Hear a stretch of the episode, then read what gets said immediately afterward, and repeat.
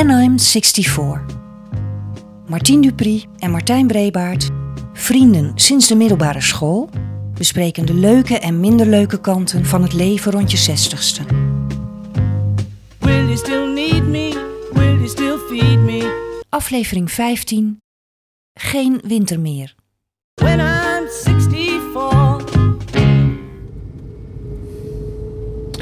Goedenavond en eh, welkom bij de nieuwe aflevering van de podcast I'm 64.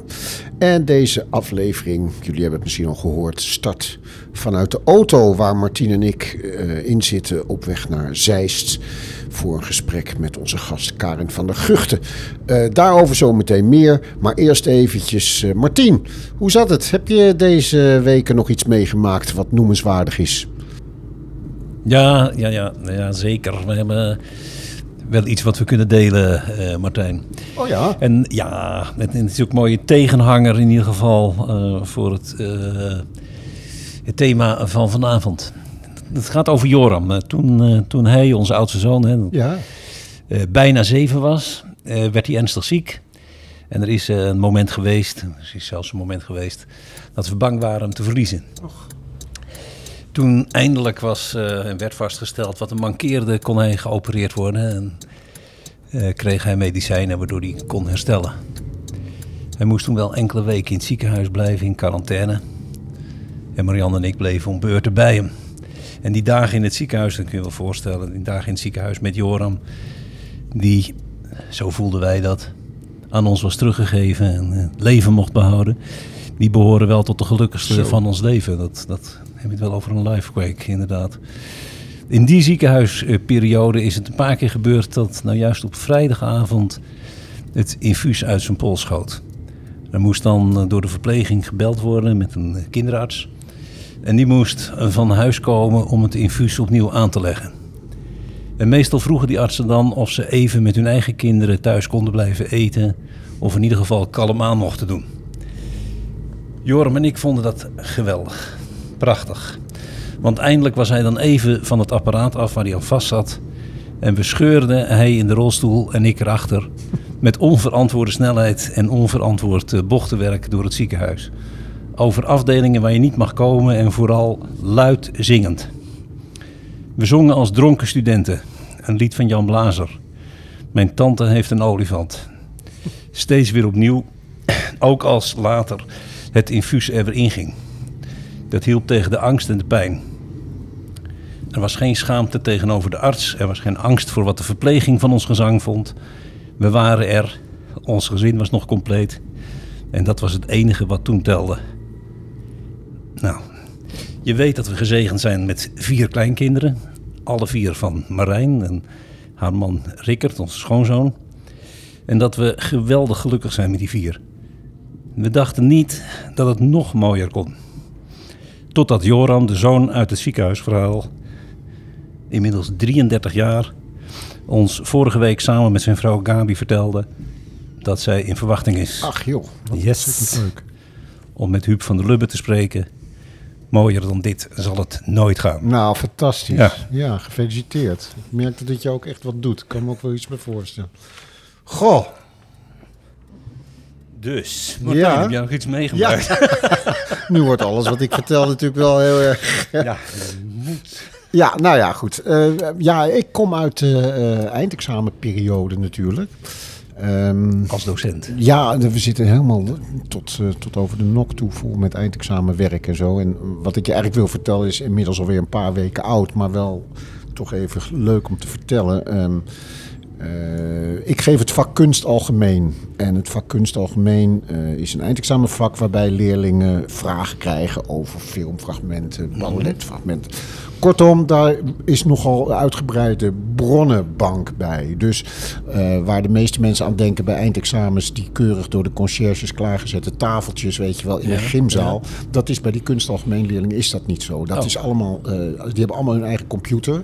En we hebben er bij ons op school eh 60, althans 60 leerlingen. Ja. Dus ook 60 computers. Maar dat zijn natuurlijk twee volle computerlokalen met perspex eh, schermen ertussen, weet je wel, om dat allemaal een beetje goed te houden.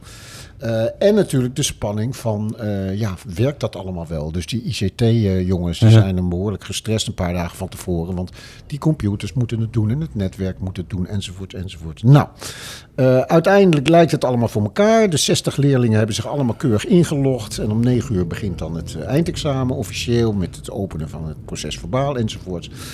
En eh, om tien uur gaat de eerste aarzelende vinger op. En je moet je voorstellen, dat herinner je je misschien Ja. ook nog wel van jouw eindexamen. In een normale klassensituatie zeg je, ja, eh, Pietje, wat is er aan de hand? Maar dat kan helemaal niet Nee. bij zo'n eindexamen. Het moet natuurlijk in doodse stilte. Dus iemand, een van de surveillanten fluistert daar naartoe. Dan Schuifelt daar naartoe, Ja, ja. blijkt een van die filmpjes vastgelopen te zijn. In eerste lekker. instantie denk je, nou ja, dat zal zijn computer wel zijn. Maar er kwamen dus meer leerlingen die duidelijk maakten, nou ja, paniek natuurlijk. Want je, je mag dan niet zelf beslissen, nou jongens, dan stoppen we even. Eh, Hè, dat kan allemaal niet. Dus dan moet er stiekem door een examencoördinator van zo'n school... moet er gebeld worden met de inspectie op datzelfde moment. En de inspectie die, ja, voelt zich daar dan ook wat door overvallen. Uiteindelijk bleek het een landelijke storing te zijn... waarbij dus alle, lekker. alle eh, leerlingen in Lekker. Nederland daar last van hebben gehad. En eh, nou ja, wij kregen dus in eerste instantie te horen... dat alle leerlingen 15 minuten extra kregen. Ja. Een half uur later werd er dan 20 minuten. Dat geeft ongeveer aan wat er dan gebeurt. En ik had zo te doen met die leerlingen. Weet je wel, ja, Ja. precies. Maar je zal daar maar zitten met stress in je lijf.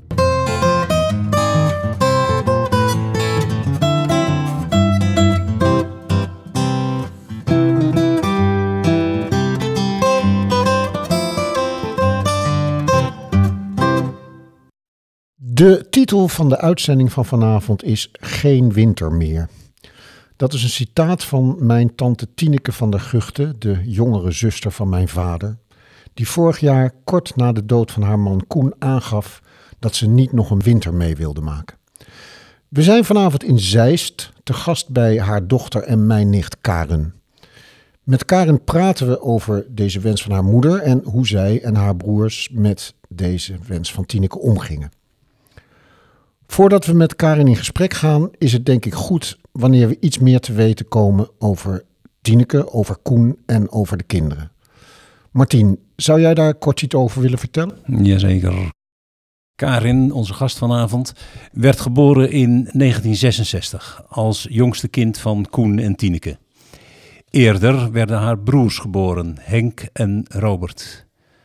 Vader Koen werd in 1931 geboren in Bandung. Tijdens de Tweede Wereldoorlog zat hij in een jappenkamp. Zijn vader stierf aan uitputting bij Burma. Na de oorlog keerde zijn weduwe met haar vier kinderen terug naar Nederland.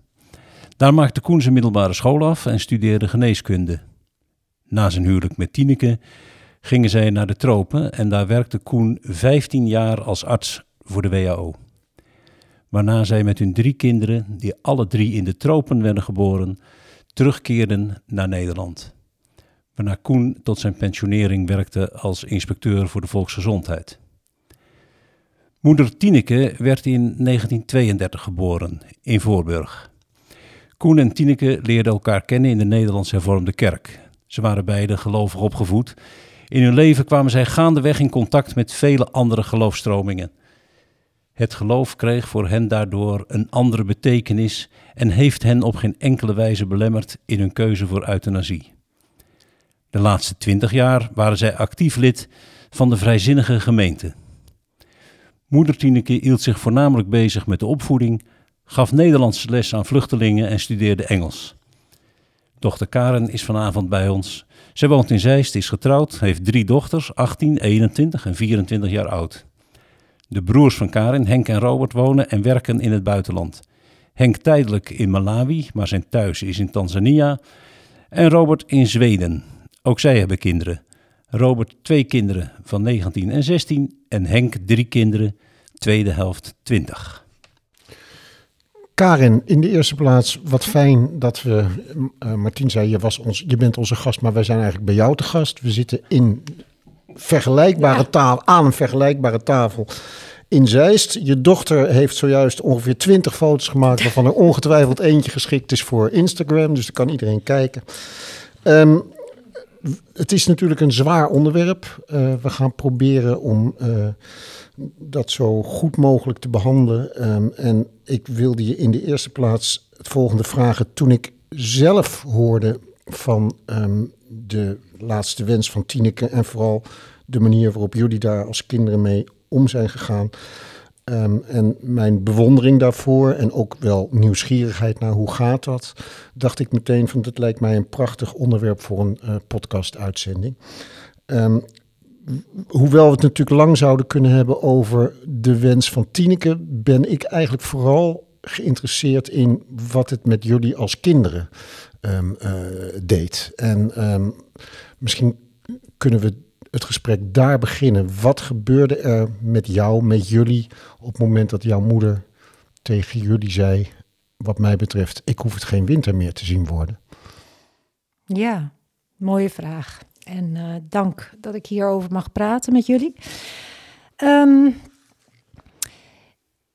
het eerste jaar nadat mijn vader was overleden, zeker de eerste maanden, heeft uh, onze moeder oprecht haar best gedaan om van haar nieuwe levensvorm wat te maken. Uh, als weduwe. Uh, ze brak ook nog haar heup. Uh, het was ook nog de eerste keer corona. Um, maar daarna begon ze toch met enige regelmaat duidelijk te maken dat het leven voor haar op deze manier geen zin meer had. En dat deed ze eigenlijk op momenten waarop ik een, een, een verdrietige, eenzame vrouw zag. Ook vaak wel wanhopig en angstig voor de toekomst. En um, hoezeer wij ook in ons gezin uh, vertrouwd waren met het onderwerp uh, euthanasie en de dood, um, vond ik het in dat jaar lastig bijzonder lastig en moeilijk om aan te sluiten bij uh, het, uh, het, de wens van mijn moeder. Je bedoelt het jaar na het overlijden ja, van Koen? Ja. ja. in haar eerste jaar uh, ja, als weduwe. En um, dat zat hem vooral in het feit dat de momenten waarop ze haar wens kenbaar maakte, um, was er eigenlijk um, nou ja, een, een wanhopige vrouw te zien. En ik voelde daarmee nou ja, allereerst, dat voelde de vraag niet zo zuiver voor mij, mm-hmm. zo noem ik het. Eh, en ik voelde ook een, dat ze daarmee eigenlijk een claim bij mij, op mij legde. En uh, uh, kreeg het gevoel van, ja, wat als ik nou nog meer bij haar zou zijn, nog meer zorg zou leveren en aandacht zou kunnen geven, zou dan die vraag er nog steeds zijn?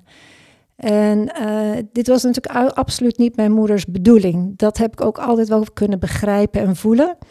Uh, maar ze wist het oprecht op dat moment niet anders te doen. Um, en toen, na iets meer dan een jaar na het overlijden van mijn vader, um, zat ik op een, nou ja, zondagmiddag rustig met haar een kopje thee te drinken. En dus over haar leven te praten en over hoe het afgelopen jaar was geweest. Um, en over de problematiek van corona. En ineens zei ze vanuit een enorme rust van ik wil niet nog een winter meemaken. En toen ze dat toen zei, was het voor mij zo duidelijk dat dit haar diepste wens was. En het was uh, voor mij niet alleen hoorbaar, maar ook zo voelbaar dat um, dat eigenlijk voor mij het begin was van het traject waar we toen samen uh, in zijn gestapt. Het traject van het aanvragen van euthanasie.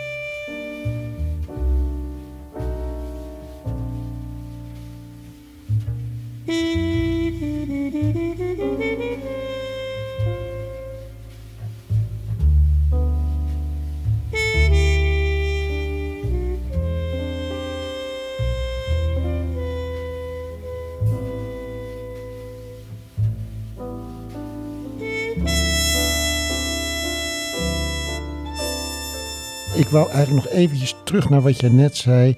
het feit dat het al zo vroeg bespreekbaar was bij jullie. We hebben nu een paar keer ook in de vorige uitzendingen eh, gemerkt hoe belangrijk het is om over dit soort dingen te kunnen praten. Eh, zou je daar iets over kunnen zeggen? Eh, Hoe, hoe, hoe komt het dat het bij jullie eigenlijk altijd zo bespreekbaar was?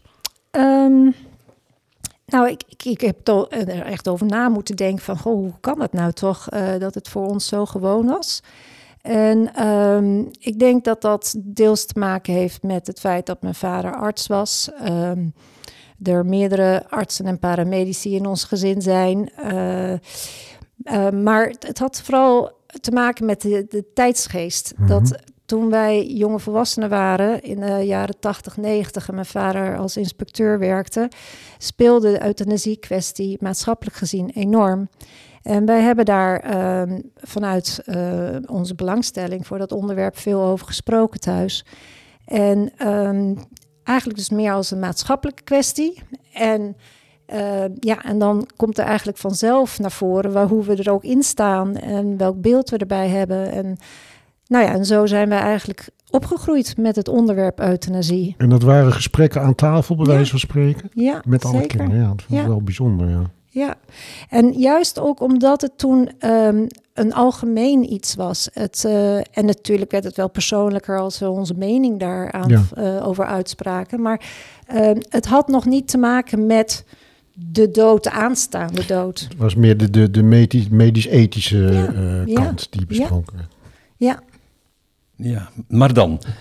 eerst was, hè, was dit nog een strikt academisch gesprek, maar op het moment dat je moeder zegt dat zij zelf niet op het einde wil wachten, actie wil ondernemen om te voorkomen dat haar leven nog veel langer duurt, wat, wat gebeurde er toen met jou, Karin?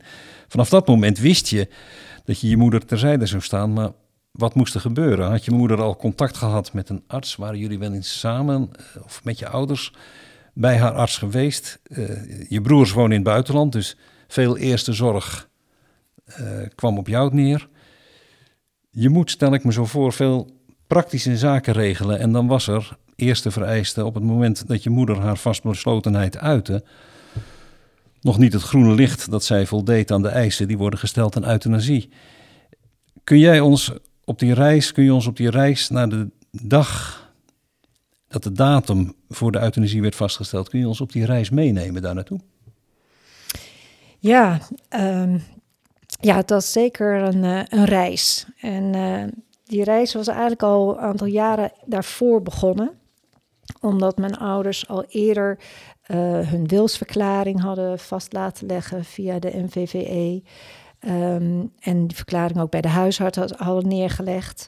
Ehm, mijn ouders hadden ook al ehm, meerdere malen hun wens eh, met betrekking tot euthanasie met de huisarts besproken. Eh, toen mijn vader wist dat hij terminaal was, dan ben ik ook een keer mee geweest om het gesprek met z'n Mhm. met, met z'n vieren te voeren. Ehm, dus er is eigenlijk al een traject aan vooraf gegaan. Nou, en dan toen kwam het moment dat mijn moeder heel concreet met haar vraag kwam. En ehm, toen zijn we weer opnieuw naar de huisarts gegaan. En heeft ze haar vraag neergelegd bij de huisarts. En zij was ehm, gelukkig bereid om hier aan mee te werken. En ehm, eh, omdat ze weinig ervaring zelf had met euthanasie en mijn moeders geval toch wat anders was dan de meest voorkomende vormen van euthanasie in geval van terminale patiënt. Ehm, zei ze dat ze dus het expertisecentrum erbij wilde halen om zich te laten informeren en als steun. Ehm, en toen kwam vanuit het ex- expertisecentrum het advies om een psychiater nog bij mijn moeder langs Ja. te laten gaan. En om te testen of te checken of er niet sprake zou kunnen zijn van een depressie. Want dat zou in principe behandelbaar kunnen zijn.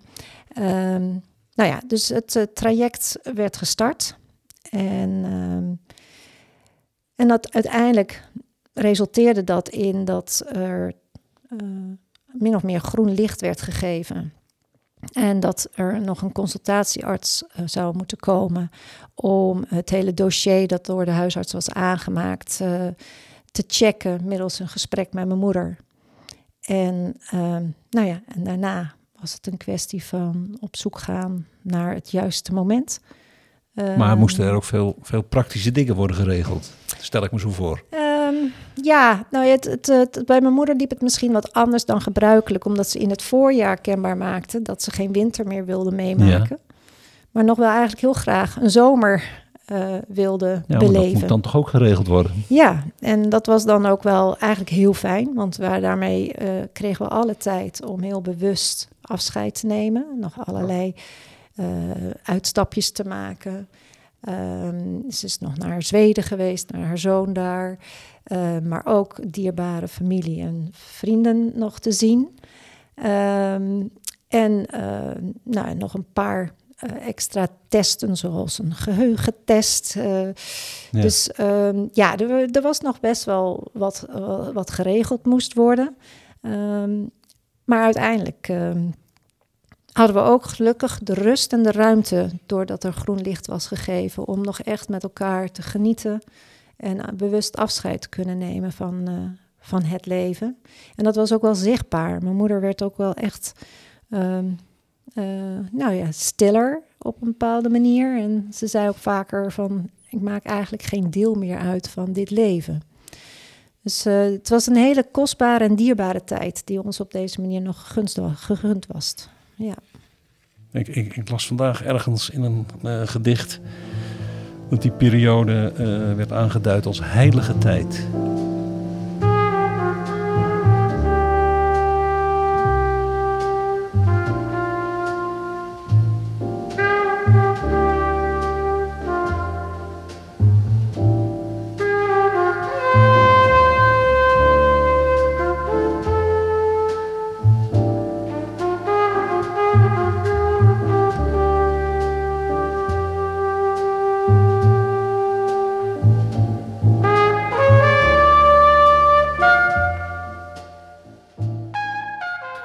Een van de familieleden samen met Annie Juhl, mijn Ja. zus, ben ik daar echt naartoe gegaan. Ik was zo onder de indruk van de absolute onwrikbare zekerheid waarmee Tineke sprak over, over ehm, dat ze het inderdaad geen winter meer wilde zien.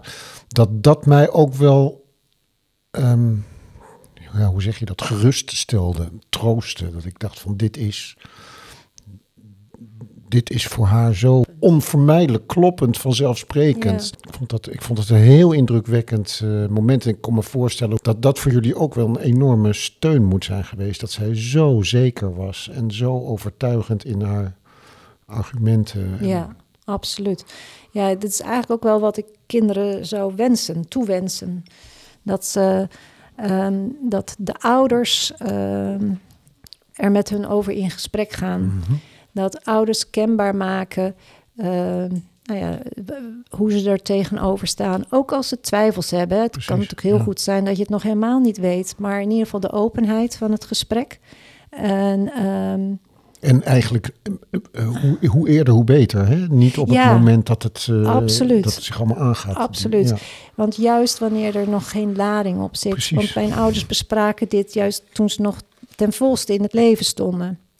Ik, ik denk even terug, Martien, aan de, aan de opmerking van, eh, van Joram. Weet je wel, in het vorige gesprek, eh, dat, dat zul je ook wel gehoord Ja. hebben, waar het over mantelzorg ging. En, Ja. en toen kwam dat ook naar voren. Hè. Ik kan me heel goed voorstellen dat mijn kinderen ook zouden zeggen van ja, pa, maar zo ver ben je toch nog niet. We hoeven dat gesprek toch niet. En het wordt mij steeds duidelijker dat je dat gesprek juist wel moet hebben als je nog niet zo ver bent. Omdat dan die druk er inderdaad niet op, Ja. niet op staat. Ja, precies. Het vraagt dus van beide kanten wat. Hè. Het vraagt van de ouder initiatief om het te doen. Want ik zou het toch prettig vinden voor het kind wanneer de ouder het initiatief neemt. Eh, Absoluut. En- ja. Maar het vraagt ook van het kind om open te staan. Om open te staan voor het onderwerp waar je eigenlijk nog helemaal niet mee bezig wil zijn. Ehm, waarvan je ook heel, ook omdat je in een hele andere levensfase bevindt, kan ik me heel goed voorstellen dat je geneigd bent om te denken van, nou ja, dat komt allemaal nog wel. Of, ehm, maar terugkijkend merk ik dat het juist mijn broers en mij eh, enorm heeft geholpen om dit traject zo rustig en eh, vol overtuiging te kunnen doorlopen met elkaar. Ik heb me nooit alleen gevoeld. Ehm, daar waar mogelijk hebben mijn broers op afstand me enorm gesteund. Ehm, al was het maar om heel frequent een luisterend oor voor mij te zijn en een klankbord. Ehm, en ja, wij stonden er precies hetzelfde in. En, ehm, en dat heeft enorm geholpen. Want, want ik begrijp dat zij ook contact eh, onderhielden, zeg maar, konden onderhouden met je moeder. Ja, ja, mijn moeder was gelukkig nog zodanig uh, thuis in het uh, uh, internet gebeuren dat ze kon skypen met mijn Ja. broers. En ehm, daar hadden we ook echt schema's voor bedacht. Zodat ze om, om de dag ieder een keer even met mijn moeder zou skypen. Zodat ik niet elke dag het enige aanspreekpunt zou zijn. Ja.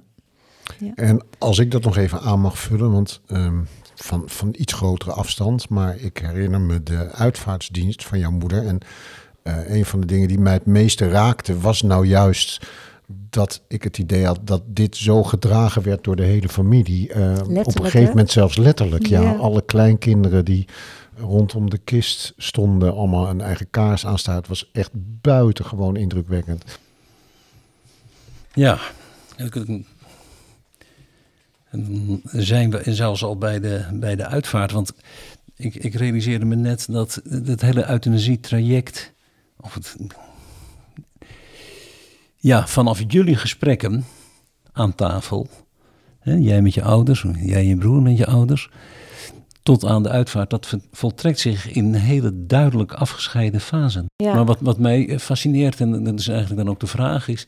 bij elk punt verandert eh, ook wel een beetje je, je, je, je functie. Mhm. En hoe je je tot het onderwerp verhoudt. ja. Eerst ben je nog druk bezig om een academisch gesprek te voeren.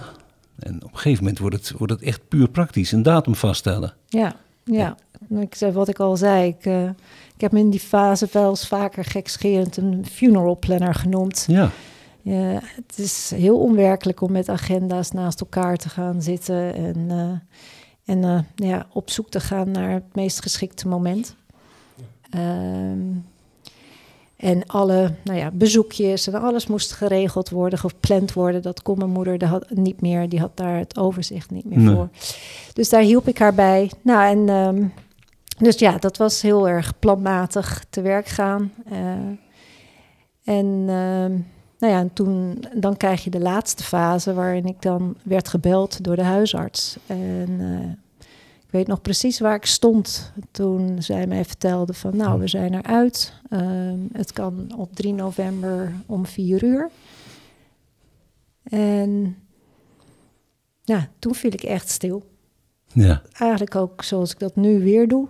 Ehm, omdat dat eigenlijk weer zo'n moment was van dat ik in een nieuwe fase belandde. Ik ronde het soort van case manager af en ik werd ineens de dochter van eh, die afscheid moest gaan nemen van haar moeder en ook precies wist wanneer ze dat zou moeten gaan doen.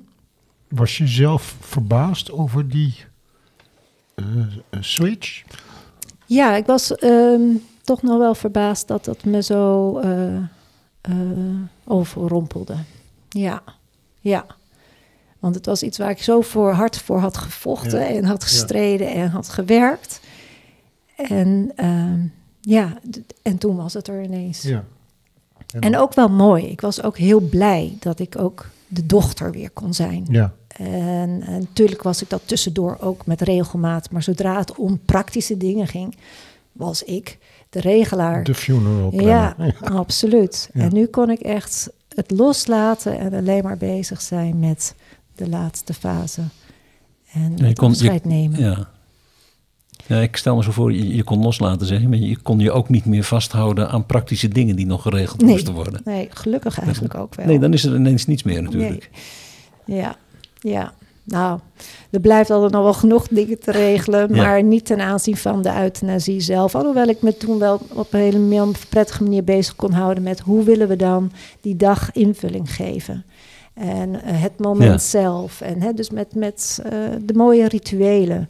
Ik, ehm, het, er is veel te zeggen over een geplande sterfdag. Het is Mhm. eigenlijk te onwerkelijk. ehm, maar het brengt ook mogelijkheden.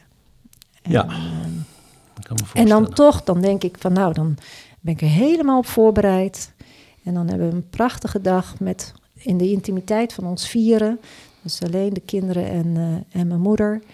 En ehm, mooie dingen gedaan. En nog gesprekken gevoerd. Alhoewel we al lang uitgepraat kon waren Mhm. in zekere zin. En, ehm, en dan bellen de artsen aan. En dan is daar het moment. En dan ehm, trokken we ons terug in haar kamer. En het was allemaal heel erg rustig en heel sereen en prachtig eigenlijk. En mijn moeder was zo daadkrachtig en zo rustig. En, ehm, en we hadden alle tijd met z'n vieren. En dan komen de artsen om dan uiteindelijk de medicatie toe te dienen. En toen werd ik eh, enorm overrompeld door de gedachte van... Ja, maar wat jullie nu gaan doen, daar, dat leidt tot de dood van mijn moeder. Ja, precies. Ja. En, eh, en ik vond dat eigenlijk een hele nare gedachte. Ik dacht ook niet dat. Ik was ook verrast dat ik dat, dat me overkwam. En toen heb ik me zodanig opgesteld dat ik de artsen niet meer zag. Alleen maar gefocust op mijn moeder en mijn broers. En toen kwam gelukkig ook bij mij weer helemaal de rust terug.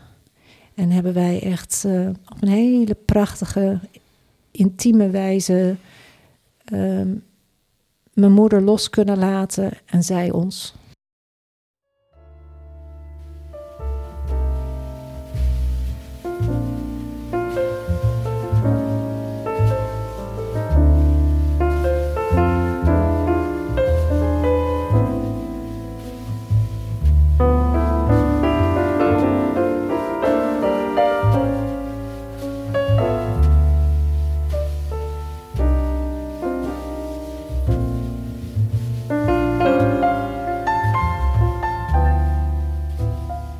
Als je terugkijkt op die hele reis, noem ik het maar weer even. Wat is nou jouw. ehm, hoe, laat ik het zo zeggen. Hoe, hoe denk je daar aan terug? Zijn er dingen waarvan je denkt van dat had anders gemoeten? Of wat fijn dat we dat zo gedaan hebben? Of, Nee, ik kan eigenlijk wel zeggen dat we heel, heel blij en, en, en tevreden zijn. Gek woord, maar dat is het wel. eh, over hoe het allemaal is gegaan. Ehm, ik, ik, ik heb gemerkt dat ehm, het regie kunnen hebben over eh, het laatste deel van je leven was voor mijn ouders eh, van zo'n wezenlijk belang. En, ehm, en ik denk dat dat vergroot wordt wanneer je in het leven de dood meer accepteert als een feit. Het is gewoon een onderdeel van het leven. En ehm, nou ja, dat mijn ouders ook daadwerkelijk regie hebben gehad over de dood. ehm, heb- ben, daar ben ik heel dankbaar voor. En ehm, ik heb ook vertrouwen gekregen, meer vertrouwen nog dan ik al had, dat er in Nederland toch best veel mogelijk is op gebied van euthanasie. Dat je eh, alleen de kanalen moet weten te vinden. En, ehm, en dat er dan eigenlijk heel veel informatie is. En veel mogelijk. En dat het allemaal uiterst zorgvuldig wordt gedaan. Dat is tenminste onze ervaring. En ehm, ik ben daar veel, heel dankbaar voor dat artsen bereid zijn dit te doen. En dat dit in Nederland kan. Over euthanasie en over voltooid leven is veel informatie op internet te vinden. In de show notes bij deze aflevering en op ons Instagram-account When I'm 64 pod staan links naar een aantal relevante sites, zoals die van de Nederlandse Vereniging voor een Vrijwillig Levenseinde en die van Vrienden van Expertisecentrum Euthanasie.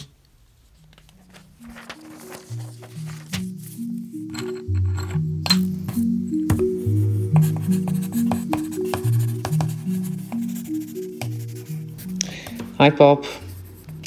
Terwijl ik deze brief op papier probeer te zetten, hoor ik Rickert grinniken. De dood.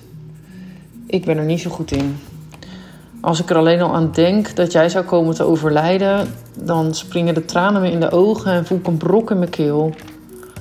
En dat terwijl Rickert en jij er juist zo makkelijk en graag over praten. Nou, als ik iets heb geleerd van het maken van deze podcast samen met jou, is dat praten zo enorm belangrijk is. Nou, dat wist ik natuurlijk al wel als psycholoog. Maar door deze podcast kom ik erachter dat er een wereld van onderwerpen is waar we toch niet over bleken te praten. Of waarbij we vooral blijven steken op politieke of algemene overtuigingen. Maar hoe praat je nou over de dood? En hoe praat je over euthanasie? Nou, ik weet dat jij groot voorstander bent van palliatieve zorg.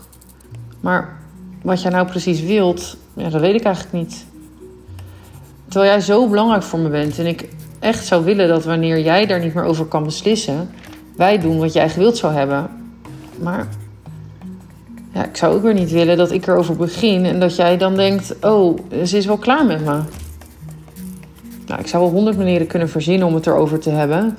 Door middel van een brief zoals deze, spontaan tijdens een wandeling of in de auto. Juist heel gepland en georganiseerd. Een heel lang gesprek of juist meerdere korte gesprekjes. Want ja, het blijft immers een onderwerp dat nog wel eens kan veranderen. En wat het ook verdient om rustig te laten bezinken. Maar ik denk dat het het belangrijkste is dat je elkaar vertrouwt. Dat we ervan uitgaan dat we het beste met elkaar voor hebben. En ik denk dat het een heel belangrijke valkuil is dat ik geneigd ben om voor jou te denken. En ik weet dat jij ook geneigd bent dat voor mij te doen. Zullen we proberen dit gesprek vol vertrouwen en vol met vragen aan te gaan? Kus.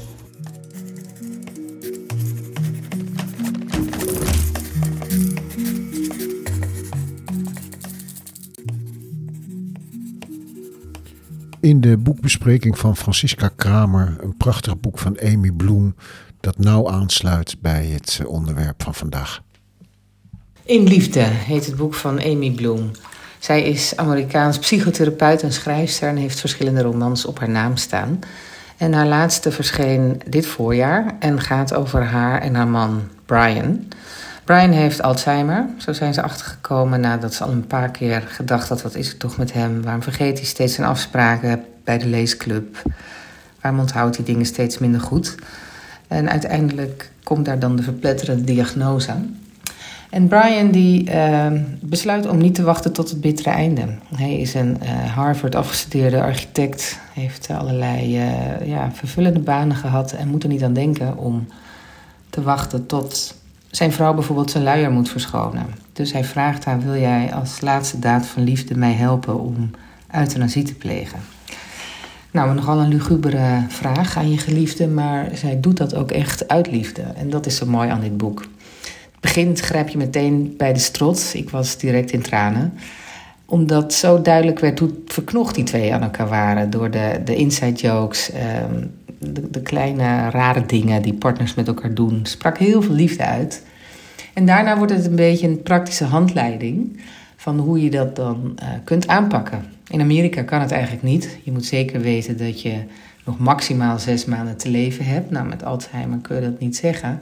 Dus uiteindelijk komen ze uit na lange zoektocht bij uh, Dignitas, een vereniging in Zwitserland, uh, waar Brian uiteindelijk naartoe gaat, samen met Amy. En dan ook zo tegen het einde, als al die praktische zaken zijn geregeld, dan ja, het is heel bizar om dan te lezen hoe ze dan uiteindelijk daartoe komen en, en hoe dat afscheid dan is. Hoe ontluisterend eigenlijk. Het is heel liefdevol en tegelijk heel rauw. En uh, ik kan het aanbevelen omdat, denk ik, iedereen wel eens met zijn partner gesproken heeft. Hoe gaan wij dat doen als wij ooit voor die keuze komen of als wij ooit uh, ziek zijn? En, en hoe zou je dat dan kunnen aanpakken? Nou, daarnaast is het ook een bij Vlagen heel mooi geschreven boek. Dus ik kan het uh, van harte aanbevelen. In Liefde door Amy Bloem. Bloemetje van, bloemetje van, het bloemetje van Martien. Ook ditmaal een gedicht van Eddy van Vliet, advocaat, een dichter in Antwerpen. Geboren in 42, overleden in 2002. Uh, een korte toelichting is wel op zijn plaats en uh, ik heb daarvoor nagenoeg woordelijk uh, een toelichting van Gerrit Komrij gebruikt. In het gedicht spreekt de dichter de dood toe. En al direct in de eerste regel zegt de dichter tegen de dood: Heb geen angst, kom binnen. Dat is bijzonder. We gaan er eigenlijk als vanzelfsprekend altijd vanuit dat wij angst hebben voor de dood. Maar de dichter groet de dood, oude bekenden onder elkaar. Na het paaien in de eerste strofe klinkt in de tweede strofe een opstandige, gebiedende toon. Niet opstandig tegen de dood, maar opstandig tegen het verzet tegen de dood. Via een omweg laat de dichter ons weten dat zijn trouwe makker wel beschouwd geen al te toffe vriend is. Het is een vriend die hand in hand gaat met onuitsprekelijke ziekte, kindse grijzaards, loesje geneesheren. Hoe meer je voor hem, voor de dood kiest, hoe minder je te duchten hebt van zijn handlangers. Daarom heet het in de slotregel: veeg je voeten en wees welkom. De dood valt alleen te vrezen als we ons verzetten. Veeg je voeten. De dood was nog niet binnen. Eddie van Vliet besloot in 2002, toen hij ernstig ziek was, dat het geen zin had langer in leven gehouden te worden. Zijn infuus kon weg. Hij weigerde bang te zijn voor de dood. Dood. Dood, heb geen angst. Talm niet voor mijn deur, kom binnen. Lees mijn boeken. In negen van de tien kom je voor, je bent geen onbekende. Hou mij niet voor de gek met kwalen waarvan niemand de namen durft te noemen. Leg mij niet in een bed tussen kwijlende kinderen die van ouderdom niet weten wat ze zeggen. Klop mij geen geld uit de zak voor nutteloze uren in chique klinieken. Veeg je voeten en wees welkom.